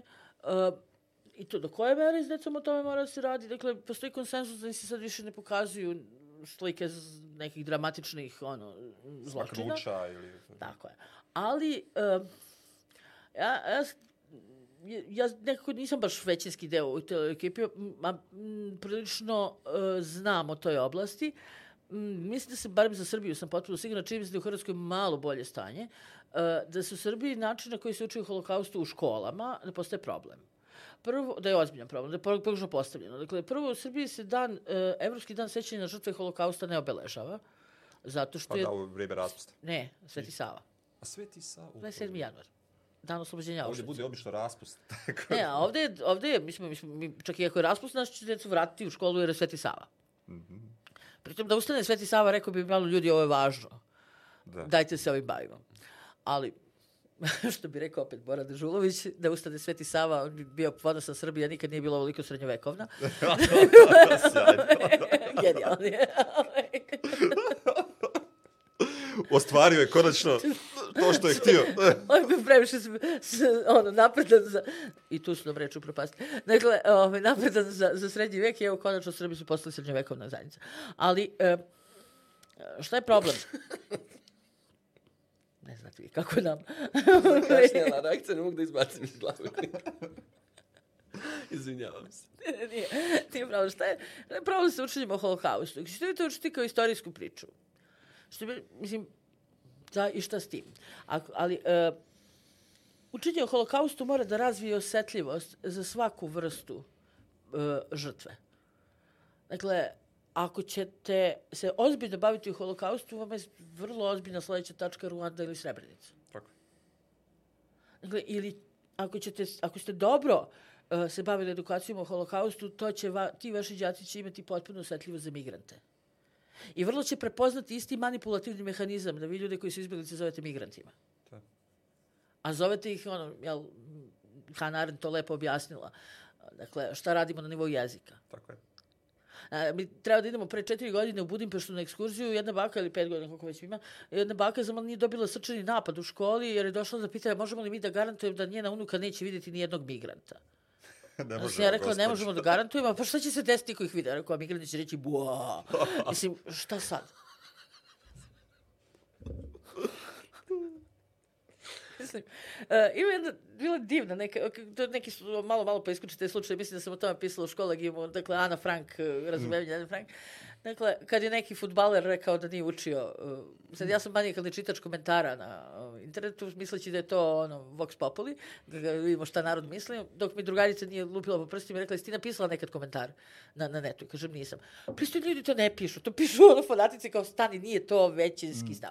Ali, dakle, to ne znam kako se zvao taj futbaler, koji je rekao da nikad nije čitao Anu Frank, negde igrao u Italiji, i onda je u komentarima po srpskim medijima bilo dakle, ne u, u novinama, tekstovima, nego onim komentarima na internetu, da, ali on se školovao u Borovu, a Hrvati nikad o tome ništa ne uče. Dakle, nevjerovatno kako se to, kako se sve to može obrnuti. I e, onda je bila neka emisija na RTS-u u kojoj su, je gostovala profesorka iz jedne beogradske škole koja se ozbiljno bavi učenjem o holokaustu, radi sa đacima. Gostovao je Ivan Ivanji koji je preživeo Buchenwald i e, meni su dopali u školu na velikom odmoru novinari iz lokalnog dopisa što rekli ne znamo o čemu se radi, ali nas su zvali iz Beograda rekli da nađemo tebe i da nam ti nešto kažeš o Ani Frank. Ja, zašto to treba? Nemam pojma, ali da bude do, do tri minuta. Jo. Da, Moram nešto malo- ta, Ana tako izgleda tri novinarstvo u Srbiji. I ja sam, onda sam pretpostavila što me zovu, nešto rekla i onda su mi poslali link za tu, taj, taj pa mi neka emisija od 15 minuta. I Ivan Ivan je bio genijalan. A je rekao nešto što doslovce glasi ovako. Ako ćete vi da učite u školama o holokaustu, zbog nas koji smo to proživjeli, nemojte. Nas ima još malo. Tako. Mi ćemo brzo da odemo s istorijske scene. Ali ruka, i ovo je nešto što ja stalno ponavljam, Sjajno. ruka koju devojčica pruža kad uđe u čamac, pruža svom ocu. I s poverenjem u svog oca. Ista ona ruka koju Ana Frank pruža kada ulazi u voz. Dakle, i taj se čamac prevrne u Egijskom moru. Dakle, ako vas interesuje holokaust, onda vas interesuje Lampedusa. Da. E, mislim da, da, da se nedovoljno pravi link između te dve kategorije. Ja sam sad na ovom seminaru gde 30, 40 profesora, uglavnom istorije, rekla to, da ako ćete da se bavimo uh, holokaustom, hajmo da se bavimo Sarajevom i opsadom Sarajeva. Dakle, to morate dovedati nekako do toga. A onda su uh, kolege iz, Užic, iz Srbije rekle, ali mi nemamo, zajed, nemamo jasan stav o tome još uvek. Si čuči, ti su u Sarajevu. Kakav jasan stav. Šta je jasan stav? Ili Ti vidiš obrda? Kao vidi. Ti shvatiš da toga možeš supicu da pogodiš nekog snajperom. Išli ste na jevrijsko groblje, dakle su gađali snajperom ljudi koji su... Ne, to nisu pominjali, to sam ja morala da uvedem kao tema. Aha, nisu, znači Ali je, ali je uh, ne, ne, ta, ta potreba da se razdvoji, mislim, postoji udžbenik koji je napravljen, dakle, ova država je potpisala, dakle, država, ova, ne ova u kojoj smo trenutno, nego država u kojoj ja živim, nažalost, uh, dakle, uh, oni mi smo potpisali sporazum međunarodni da sad kao to mora da uđe u sistem učenja i određen broj profesora je poslato u Yad Vashem da se obuče kako to da se radi. 50, prvih 50 koji je otišlo, oni su trebali da se vrate, da to sad implementiraju. Onda su oni napravili učbenik. Ja nisam o tom učbeniku pisala iz neke vrste lojalnosti prema nekolicini e, autorki koje su tu Koji nešto, previše ih kojih poznajem i bilo bi surovo. Ali, kako vam kažem, ne možete uh, izvući, jer su ti profesori koji su bili u Jad Vašemu dobili zadatak da naprave neki radni materijal kao metodičko upustvo za rad u nastavi na temu holokausta. Ne su neki od njih bukvalno izvukli iz fioka pripreme za nastavu onog što su radili. Ne sećam se neka ekonomsko odeljenje E, četvr, četvrto E1, bukvalno tako piše, uh, ekonomski tehničari, cilj časa, uh, dakle, značaj arhiviranja, dakle, i šta je zadatak da učenici shvate uh, uh, koliko je važno poštovanje zakona. Dakle, halo. Upravo su ključni- trebali da nauče koliko je važno problem. propitivanje zakona. ključni problem, što rekao neki narodni poslanik, neki izvesni Baki Anđelković, koji je bio SPS-ovski političar, 90. godina je rekao dajte mi većinu u parlamentu, ja ću, dokazati, ja ću napraviti zakon da je krug kvadrat. to je to. Ja imam većinu u skupštini, krug je kvadrat. Hoće li to biti kvadrat? Neće. Dakle, ključna stvar koju ti moraš da, razviješ kod đaka da oni osveste da se zakon ne sme poštovati ako on krši nekakve univerzalne. Dakle, holokaust je bio legalan i zakonit. E, ali mi sad ono kao, i, to, i, i ono što je, se stalno nekako provlači kad se bavite kako zapravo izgledaju obrazovni ne, čak nije dobro još strukturirano. Nadam se da ide ka boljem. Neki priručnici se prave, pa ne, prave se i sa, zajedno sa, sa centrom Anne Frank, ali recimo da moja škola nikad nije stigao. ali je, e, dakle, ideja je da kad se, mi učimo decu u holokaustu, da se stalno pravi paralela šta su nama radili u NDH. Vi ćete onda da generišete nešto potpuno suprotno. Ali to je generalno narativ koji ovdje postoji u smislu kada trebate govoriti o zločinima koje Ali. je počinio neko, jeste, Ali. ubi nas prejaki veznik, ovaj, je tipa, ok, jesu, ali oni su nama to. Tako je. Jer ce- ceo ci, ja mislim da obrazovni sistem modeliran tako da, da, da vi pokušate da, da, da generišete mržnju. Radi zakon o školstvu u Srbiji vrlo zanimljiv. Tamo sad ne mogu tačno setim brojeva, ali recimo stavki, ali mislim da je recimo stavka 7 u zakonu o obrazovanju, tog negovanje univerzalnih vrednosti, poštovanje čoveka, ljudska prava i tako dalje. A a u devetom je poštovanje e, svih e, identiteta, a naročito srpskog. Mislim, biser srpskog pravopisa. Ali to se doslovno isključuje iz tih univerzalnih vrijednosti. To baš ga isključuje. Dakle, Pa, ovo imaš univer, To se kosi sve- sa svim se kosi. posebno neki koji ne spadaju univerzalno. Moj omiljeni primjer je novi srpski pravopis, koji se menja svake dve godine. Ovo, ja sam sebe definitivno proglasila nepismenom. Uh, dakle, ajde što se srpstvo piše velikim slovom, ja sam pitala kako se piše bugarstvo i kako se piše grčstvo i brazilstvo. Oni su rekli što lupa što ne postoji. Pa kao šta je srpstvo? Ako nema brazilstvo, št, dobro, srpstvo se piše velikim slovom, ok? A drugo je, Nešto su i generis potpuno. Ne, potpuno je, ali drugo je, drugo je još bolje. Moja drugarica to zove fašistički pravopis. Dakle, i vrlo je blizu istine. Uh, dakle, m, Kosovska devojka, Majka Evrosima, dakle svi ovi likovi iz narodne poezije u kojima imate uh, zajedničku imenicu, dakle devojka se piše velikim slovom. Majka Evrosima se piše velikim slovom. Kao to je sad deo njenog zajedničkog imena. To, I hajde, možemo to nekako prihvatimo. Ali nastavak te rečenice u propisku i doslovce piše, ali ne i Bekri Mujo, ali ne i Ismail Aga. To nisu dijelovi njihovog imena. Izvinite, Smajl Aga je Aga deo imena. E, ali kod Aga mora malo, to ne može. A bajka mora. A majka je Eurosima i Kosovska devojka mora veliko D. Jednostavno veliko B. Da, da. I to doslovci pišu u pravopisu. Ali ne i Bekri Mujo, ali ne i Smajl Aga. U nadi da profesori to nisu dobili, jel? Ili jesu, pa još i kažu to je tako treba. A taj klimoglav, tako rekli ono gore, mislim, pa moramo mi, nama rečeno, mislim, pa dobro. Ma nemam problem s klimoglavima, imam problem s klimoglavima u obrazovanju. A na te i mislim, na kolege.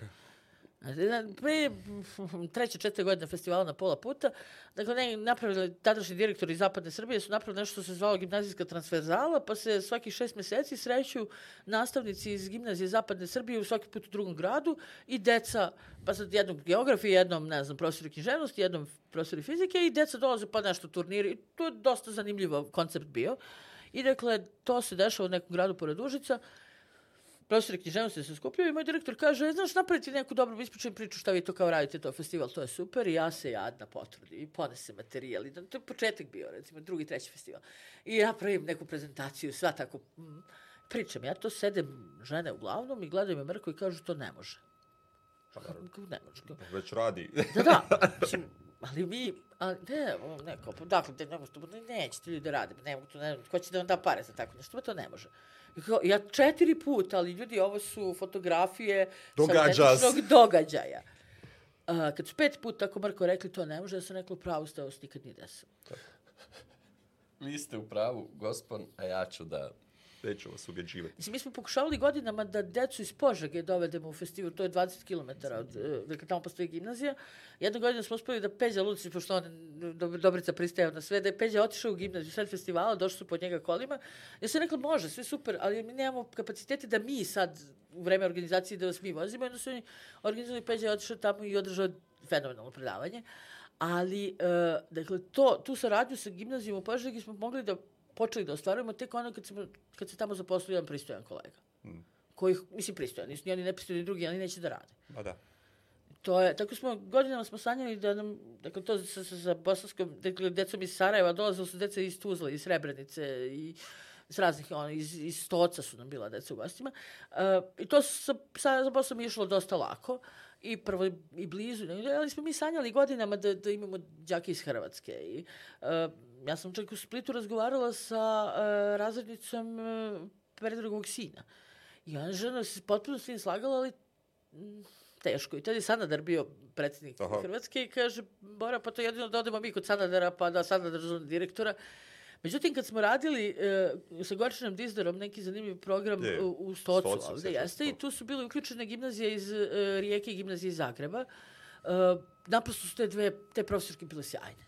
I mi smo se s njima, oni su zaista izuzetne osobe i e, to je privatna, e, e, privatna klasična gimnazija iz Zagreba i prva riječka hrvatska gimnazija. I dakle, i Goca Bolf i Sandra Vidović su sjajne osobe. I mi smo tad uspeli da napravimo izvanrednu komunikaciju. Ima divna anegdota sa, sa, sa, sa, s gostima iz Zagreba. Dakle, Ante Tomić gostuje u Užicu i sad treba drži predavanje. Ante je divan, ali nije se baš spremio. Mislim, vrlo se brzo shvati da, da čak i najveće zvezde moraju se spreme sa časa, a kad se ne spreme, onda bude, boga mi klima. I sad, Ante, Ante Tomić, i onda klinici gledaju Marko i kao što ste nam ovog doveli, otprilike. Ali dobro, i sad Ante Tomić malo nešto improvizuje, tad su pravili scenario za um, Ustav Republike Hrvatske, ja sam pričao o tome kako on s Rajkom Grlićem i tako. I jednom uh, počinju deca da postavljaju pitanje vezano za što je muškarac bez bez brkova. brkova. I je li redatelj? I se kaže, pa eto, redatelji vole da promene. Ja kad pustim knjigu u život, meni je sve jedno. Ja, ja sam kukavica, ja volim moje likove da prođu dobro. I još, znate, jednom su me pozvali na set kad je uh, snimano što je muškarac bez brkova i moja žena i ja smo promašali termin, pa smo došli na snimanje u drugo vreme, oni su snimali nešto što nema u romanu, pa su oni, pa su knjizi, pa su onda probali da, da to nekako prikriju. Mi to ne vidimo, meni to sve jedno. I sad odjednom klinici postavljaju pitanja što, dakle, gostujući, što domaći đaci, a jel da da je film bez veze, a kako ste zadovoljni redateljem? Ali redatelj, i ono, uhvatili i ne puštaju oko, oko, oko tog filma i tog re, i redatelja. U jednom trenutku profesorka Goca Bolf divna, jedna žena pretrčava onako dijagonalno, prilazi meni i kaže, znaš Bartola, znam, druga godina već da redom dolazi tu. Znaš Bartola, znam, on je Hribarov sin, dakle on je sin redatelja. On je zbog nje, dječaka. Dječak prvi vodi celu... dakle, oni pravi cirkus. Mislim, nevjerovatni su. Mislim, onda je bilo... uh, božanstveno. Dakle, njih recimo deset može da dođe iz rijeke. I mene zove devojčica koja je završila gimnaziju, super, i kaže, ja, profesorka, možete pomognete, šta je? Moram nešto da interventišem, šta je? Jel može, sad dečak je četvrta godina u Rijeci i već mu je treći put bi bilo da dolazi na festival i tamošnja profesorka kaže, o, četvrta godina, ajde da, da neke mlađe ubacim. I on sad pokušava da, preko veze, neka iz Užica, da se udede Mislim, nevjerovatni su. On kao, ja mogu ja da intervenišem, da njega stave. Kao, rekla moj profesorci ima jedinicu iz ne znam čega i ne može da putuje. Tako da, eto. Kao i svaki put, čini mi se, ispustimo čitav niz pitanja, imali bismo još jedno dva sata. depresije Jeste, ono, sve. Uh, ali evo, ide, Možemo li mi doći s besedama u Užice da tamo radimo? Možete. Snimamo besede umeđu vremenu. Bez problema, može. Imamo i tehnička sredstva i sve. podijeli bismo mi opremu, Omnija me. uzeti možete. pisce koji dođu, pripremimo se, sjedimo, pričam, budemo u školi, pričamo s Može, djecom. može, može. E, završna nedelja oktobra festival. Odmah da vam kažem, spremite se. Bog da. A kako oktobra? Ovaj, e, zato što smo prethodne dve godine e, bili u oktobru, a ne u aprilu zbog korone. I onda nam je ova generacija prvačka i trećačka, ti su neko mali osjetljivi, ne bi stigli za april da spremimo festival i onda ćemo, u nekom trenutku ćemo se morati vratiti na, na proleće, odnosno na april, a najvjerojatnije sledeće godine. Znači, oktobar. Oktobar, a to je taman možete produžiti za sajam knjiga. Recimo, to je isto zanimljivo kad planirate, mi imamo divnu saradnju s nekim ljudima u Normandiji koji rade nešto slično, samo su profesori istorije. I uh, rade svake druge godine festival staze sećanja i sjajni su. Sad, ovaj čovjek kaže, a možeš li da nam kažeš kada će ti, pošto smo zvali Francuze da dođu, Dobro, kao da bi on napravio plan, uh, on mi na primjer u martu kaže, martu 2018. Možeš li da mi kažeš kada će festival biti u, u uh, 2020. Ja kažem, ne mogu kažem kada će biti u 2019. Zašto? Zato što mi e, godišnji kalendar e, nastave dobijamo u avgustu. Dakle, ja tek onda mogu, možemo da sedemo da planiramo kao ovde, planirati više od tri meseca unapred. No, kao, ajde. Nema. Tako da, još ove godine u oktobru, a posle ćemo se vratiti. Na... I najlakše pitanje za kraj, koliko vam je ostala jedna knjiga, ali pola knjige za preporuke. Ništa, pitanje je kako, je bilo jedno zanimljivo pitanje kako đacima da proturiš ili preporučiš uh, Aha, knjige mimo koje nisu... Da, Lektirskih je. E, da, tako što e, i- tad sam osvestila šta zapravo radim. E, što kad radimo jednu knjigu, ja stalno pravim paralele e, Mhm, sa sa nekim drugim. drugim knjigama i ono što najviše volim su oni klinici kad vidite kad tako nešto pričate, da samo okrene sveska sa strane i pozadi se napiše naziv knjige ili autora i to znači da će negde kasnije da radi. Dakle, to je jedno. Drugo, kad je bilo neko knjižno večer, više ne sjećam, mislim možda Nenadova promocija Viva Seksika potpuno van festivala, i isto bila gomila ljudi i onda je Dejan Ilić rekao nešto vrlo zanimljivo. Zašto je ovaj, fe- ovo knjižno veče moglo bude ovako sa decom koja sede po podu, ono, ulaze preko plafona? Uh, dakle, zato što kao ja sam u publici video bar 10 profesorki književnosti i svaka od vas čita. Dakle, oni nas vide, ja, ja gledam da oni meni zaviruju u torbu šta mi viri od knjiga. To je jedno. Drugo, ja kad, nedavno sam otkrila Edgara Kereta. I ono, odlepila za Edgarom Keretom, isto to zvala prijatelje noću. Da, ono, I onda sam sutradan došla u školu i pričala deci, jer zapravo ja nisam mogla da se odvojim od toga šta Još sam... malo formu kratko, je li tako? Ja, ja, to je kratka, kratka, kratka, pripovetka, kratka priča koja je izvanredna. Ove, e, dakle, jer meni, ja sam, dakle, došla sa strašno jakim, recimo kad smo otkrili do Vlatova, Uh, tad smo se masovno spoznali do Vlatova i onda su, kao, deca su čitala do Vlatova, još uvijek je najpozemljeveniji pisac u Užičkoj biblioteci, jer smo ih toliko naložili na čitanje do Vlatova. I pravili smo i neku izložbu ogromnu, vrlo profi izložbu, a đaci su je radili, uh, koja je posle gostovala po Srbiji, uh, zato što nam je bila ideja da pokažemo, dakle, mnogo pre Ukrajine i svega, da postoji neka druga Rusija od one koja se pokazuje u javnosti u Srbiji. Dakle, ovde je ono militantna putinovska Rusija vidljiva kao glavni na priča, da postoje neki, neki drugi Rusi, neka druga ruska književnost koja je i neka druga ruska javnost koja je mnogo bolja i važnija, manjinska je kao i ovde, ali kao ljudi imaju nešto što nije ono, agresivna na politika. Tako da, da, da taj način ono kao mi stalno negde referiramo na knjige uh, a koje, dakle, Evo, već do sada je bilo šest preporuka, još tri, četiri. dakle, Keret i Dovlatov, uh, otac moje kćeri, Geci Majer, Geci Majer, David Albaharija za učenje. A, jel jeste? Vi to ne proživljavate čitavim tim gecima. Geci Majer, to je genijalna knjiga. To je najbolji način za učenje o holokaustu. O, to je fenomenalna knjiga. Uh, i, i, i, I kako vojnik popravlja gramofon. I recimo, Saša Stanišić misli da je bosansko izdanje Bajbukovo, da je, da je Hrvat, pošto su rađena s tri prevoda, yes. da je, on misli da nije on čak poznaje naravno ovaj jezik, ali e, da, da mu se recimo najviše sviđa hrvatski prevod. A sad ja sam prvi koji sam čitala je bio bosanski i dalje mislim da je ovo najbolji prevod. Mm, čitala sam, pošto to knjiga koju zaista ozbiljno volim, čitala sam sva tri prevoda. Mislim, ja sam sada bezdedan i pod čelo mi se nakupljaju suze, to je prva rečenica na 21. strani te knjige. Jao. Ali zaista te, onako, oborite s nogom. Mislim, to je, Sjajno. ovaj, to je sjajno. Ružice, hvala. Onda se evo nadam da se mi onda vidimo u oktobru. Eto nas. Svakako. Da, da pričamo ovako, sa, imamo dnevne besjede sa festivala, Može, može. To je dakle da pravimo... Hronika festivalska. I, znate ko radi hroniku festivalsku sa đacima? Ko? Zoka Ćatić. Ej, Već pet godina, on svaki godin dođe sa klincima, prethodno na online spremi s njime da radi. Mi ćemo da drugačije. Mi ćemo da radimo nećemo, besjede. mi ćemo svoje besjede u, u baš, Valce privatno negdje. Može, može, napravit ćemo mi studiju i sve. Hvala puno još jednom. Zadovoljstvo. Ovaj, hvala Moja privilegija, evo da ukradem ovaj... Mi, mi nemamo nikakav ovdje koncept, uglavnom. Kad se očaramo ljudima, onda ja to javno kažem da... A, jako mi je žao što ranije nisam imao priliku, ali evo, Hvala o vam. svom trošku dolazim u Užice. Doćete vi to kod vele u kola svi pa ne, ne, e, pre neko večer smo sedeli, ne, ja kad me sačekao to kad sam kasno došla u, u Sarajevo, kažem, užela sam se Sarajeva, nisam bila dugo na dva ili tri dana, kaže, nije tačno bila si. Kad sam zadnji put bila, bila sam, došli smo na, na noć jednu da gledamo Schindlerov lift, e, Aha, u jedno, smo, kameru. jedno su mi našle karte, došli smo koleginici Milena koja radi festival i Jana, samo to, i bre, nešto dolazim na dan ili dva i sve se žela divnih prijatelja i Vela kaže, ba nije tačno viđamo se. Da, ali mi se, nas dvoje se viđamo na, na pola puta. Tako što dođe, on dođe tamo negdje u neka kafanica na, na Drini pre, pre Višegrada. Aha. To je otprilike pola puta iza mene i iza njega. I onda tako, tu razmenimo knjige, tu se ono, dva, tri Prač- sata priča i svako. Ne, ne, to bi bilo E, kafana se zove Jaz. Ja. I nalazi od se... Usti prače prema Višegradu Jest, na, na pola. na, na pola puta te, tog Prije, prije mosta za Rudo. prije mosta za Rudo. Koji sam dva puta probala, sam. ne da sam dva puta probala da idem u Rudo kroz to most i nisam mogla da prođem kroz tunel. Što? Pa to je onaj tunel po kome Znam, se pravi znam. lepi bilni spomenik. Je ušlo mi potresno. A, okej. Ovaj, a inače, e, to sam snadno pričala o Lepi selima, Lepo gore više puta, ali ono što je zanimljivo, postoji izraelski film o Telsakiju, koji je ista priča. Dakle, isto istorijski događaj zatvorenih ljudi u tunelu. Mislim, i onda kad pogledate ta dva, te dve priče kako su ispričane, vidite šta se radi ideologija. Dakle, kako se manipuliše, mislim, potpuno je... To mi...